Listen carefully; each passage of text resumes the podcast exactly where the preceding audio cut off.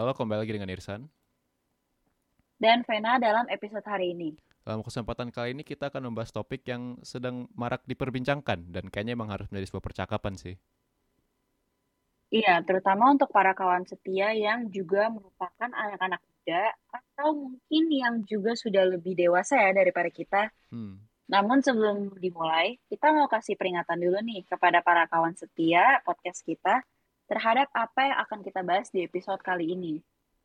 Yaitu mengenai kekerasan seksual yang memang eh, topik ini tuh cukup sensitif ya untuk beberapa orang. Tapi tenang aja, topik yang berat ini akan kita coba kemas dalam cara yang dapat dimengerti sama para kawan setia. Oke, kita akan coba kemas dengan cara senyaman mungkin agar dimengerti sama kawan setia ya. Hmm. Jadi topik kita kan hari ini adalah kekerasan seksual yang be- belakangan ini sering jadi trending topik ya. Ya. Mengingat semakin banyak korban yang melapor dan juga semakin banyak pelaku yang ketahuan. Sebelum kita menyelam lebih dalam lagi, kekerasan seksual itu apa sih dan bagaimana? Gue kemarin sempat cari nih definisinya Hmm. di Kamus Besar Bahasa Indonesia atau yang sering kita sebut KBBI. Arti pelecehan seksual adalah kasus yang terkait dengan perlakuan seseorang terhadap orang lain, terutama lawan jenis, dengan kekerasan seks seperti pemerkosaan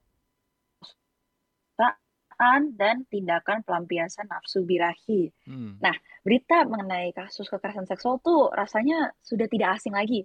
Bahkan sudah seperti asupan rutin setiap minggu atau setiap bulan. Sedihnya Karena begitu. sering banget nih kita lihat ya sering banget kita lihat berita mengenai kekerasan seksual di permukaan media sosial. Seperti yang belakangan ini juga sempat booming itu tentang Heri Wirawan, seorang guru pesantren asal Bandung yang mencabuli 12 santriwati. Wow, 12. banyak sekali ya. Dan juga kalau kita ya dan kalau kita membicarakan tentang contoh kasus kekerasan seksual itu masih banyak lagi. Hmm. kasus pelecehan dosen ke mahasiswi, guru ke murid, suami ke istri, pacar ke pacar, dan bahkan teman ke teman.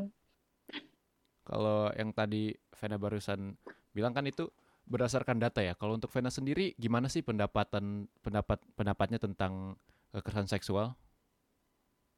Atau mungkin mau sharing soal gue, pelecehan seksual?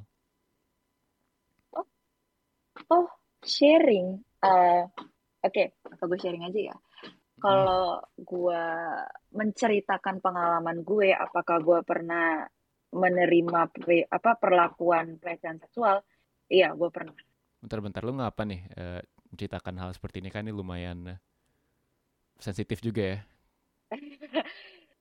Eh, menurut gue sendiri sebenarnya untuk sekarang ini gak apa-apa sih karena Hmm. semakin banyak orang menceritakan pengalaman mereka semakin ya banyak orang juga yang sadar kalau oh memang pelecehan seksual tuh banyak terjadi di sekitar kita Membuat mereka jadi lebih berani jadi juga dan ya untuk iya keluar membuat dan membuat menceritakan juga. iya oh, iya kayak dengan kita cerita kita tidak lagi menanggung menanggung penderitaannya sendiri Iya, dan iya, iya. juga eh setelah cerita tuh jadinya lega jadinya Hmm. lebih bisa melepas diri lalu juga membiarkan diri sendiri untuk eh, memaafkan ya jadi Hmm. eh, ya gue pernah mengalami yang namanya pelecehan seksual Hmm. itu udah lama banget sih sebenarnya udah lama banget Lama tuh. Kalau lama kira-kira kapan tuh?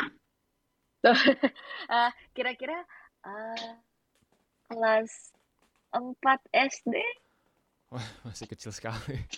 Iya masih masih itu itu udah benar-benar udah udah udah berlalu udah berlalu banget. Ya semoga yang melakukan kalau itu eh ya mendapat balasannya ya atau mungkin sudah dapat kita ya nggak tahu.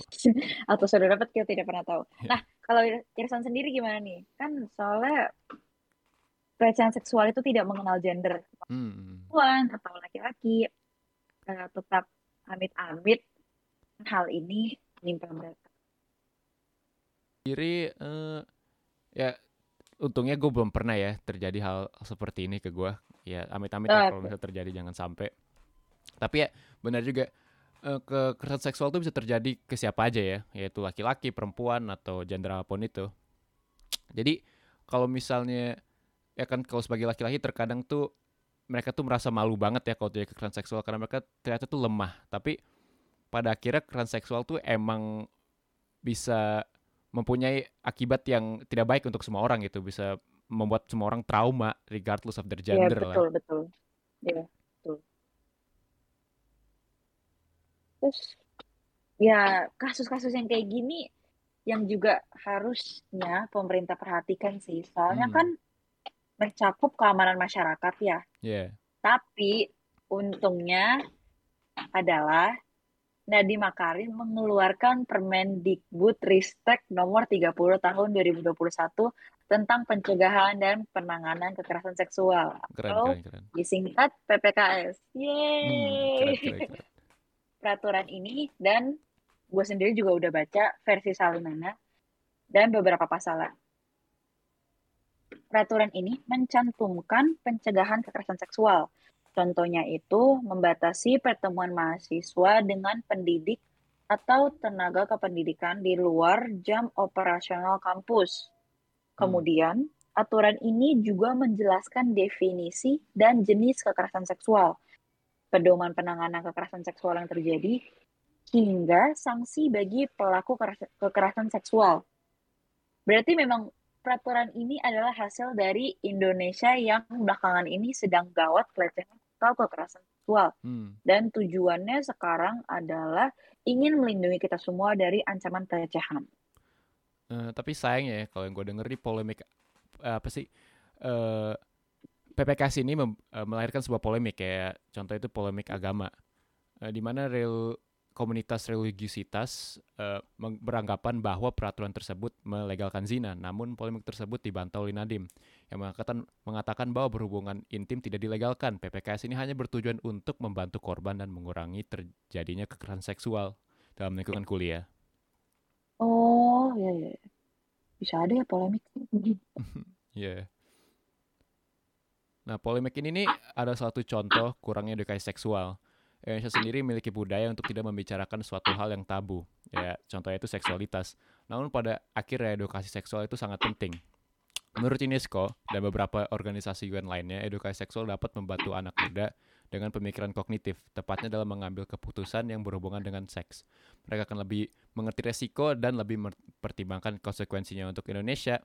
Anak muda akan tahu jika mereka melakukan hal seperti itu, itu melanggar etika dan norma-norma nilai masyarakat Indonesia. Tapi bener sih, edukasi seksual tuh memang penting uh, sekali. bener penting sekali. Kayak bener-bener penting banget karena edukasi seksual itu menyadarkan kita semua, terutama uh, generasi penerus bangsa untuk uh, mengerti konsekuensi yang akan kita hadapi, Hmm. lalu uh, mengerti apa yang harus kita lakukan, apa yang harus kita katakan, apa yang harus uh, kita perbuat ya untuk membuat uh, orang lain tuh nyaman gitu. Maksudnya kayak kalau kita memiliki hubungan dengan orang lain, kita harus tentu saja kita mau membuat orang tersebut nyaman dengan Nyaman, kita iya. dan kita tidak mau orang tersebut uh, merasa tidak aman atau Terpaksa bahkan gitu ya. iya atau terpaksa atau ya ya pada akhirnya kita harus mendapatkan persetujuan dari mereka. Hmm. Menurut gue pentingnya dari edukasi seksual itu mengajarkan persetujuan yang harus dimiliki oleh kedua belah pihak. Ya, pasti. Irsan, Hmm. mau nanya, Kenapa tuh?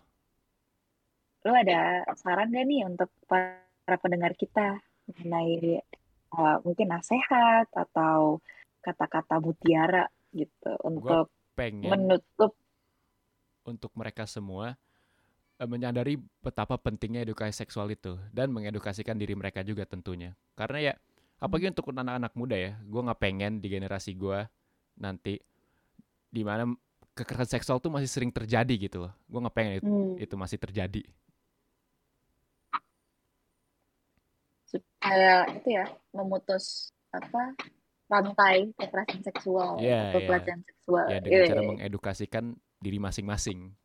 keren, keren, suka. Karena ya kekerasan seksual kan terkadang yang melakukannya tidak sadar ya mereka tidak sadar kalau mereka melakukannya dan dengan edukasi seksual mereka dapat sadar kalau Hmm. melakukan hal seperti itu ya tidak baik untuk orang yang dilakukannya dan sebagai etika juga melarang etika dan norma-norma Indonesia juga sih Hmm, ya, ya, betul betul betul betul banget. Setuju. Kalau gue sendiri apa ya? Kalau gue sendiri apa tuh sarannya untuk para pendengar dan juga orang-orang lain yang ada di sekitar kita, apa ya?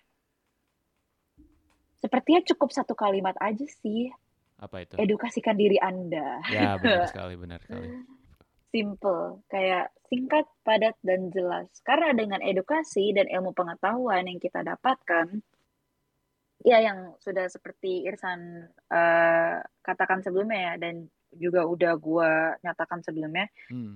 eh, edukasi, terutama edukasi tentang seks itu penting it- karena menumbuhkan kesadaran dan juga eh, membuat kita menjadi lebih mengerti Hmm. terhadap hal-hal yang memang kita ketahui untuk eh, mencegah adanya perilaku atau salah tindakan. Hmm. Kayaknya, kayaknya kayak gitu aja ya, Irsan ya. ya sekian dari podcast Singkat. kita Singkat padat jelas dan sekian eh, dari kita untuk episode hari ini. Semoga para pendengar yang sedang mendengarkan atau mungkin kawan-kawan lain yang juga lagi beraktivitas sekarang dapat Dap- belajar dapat sesuatu mengambil mungkin. kes- dapat belajar sesuatu tentu saja dapat mengambil kesimpulan dan yang paling penting adalah dapat menikmati. terima kasih Terima kasih, sampai jumpa.